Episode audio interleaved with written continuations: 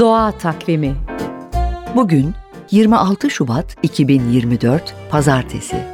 NTV Radyo iyi günler diler. Kara ve denizin buluştuğu yerde benzersiz bir ekosistem bulunur. Bir tür kıyı sulak alan ekosistemi olan mangrove ormanları. Mangrove, gelgit olaylarının yaşandığı okyanus kıyı şeridinde sığ suya ve yumuşak zemine sahip sıcak bölgelerde yetişen ağaç ve bitki topluluklarına verilen isim.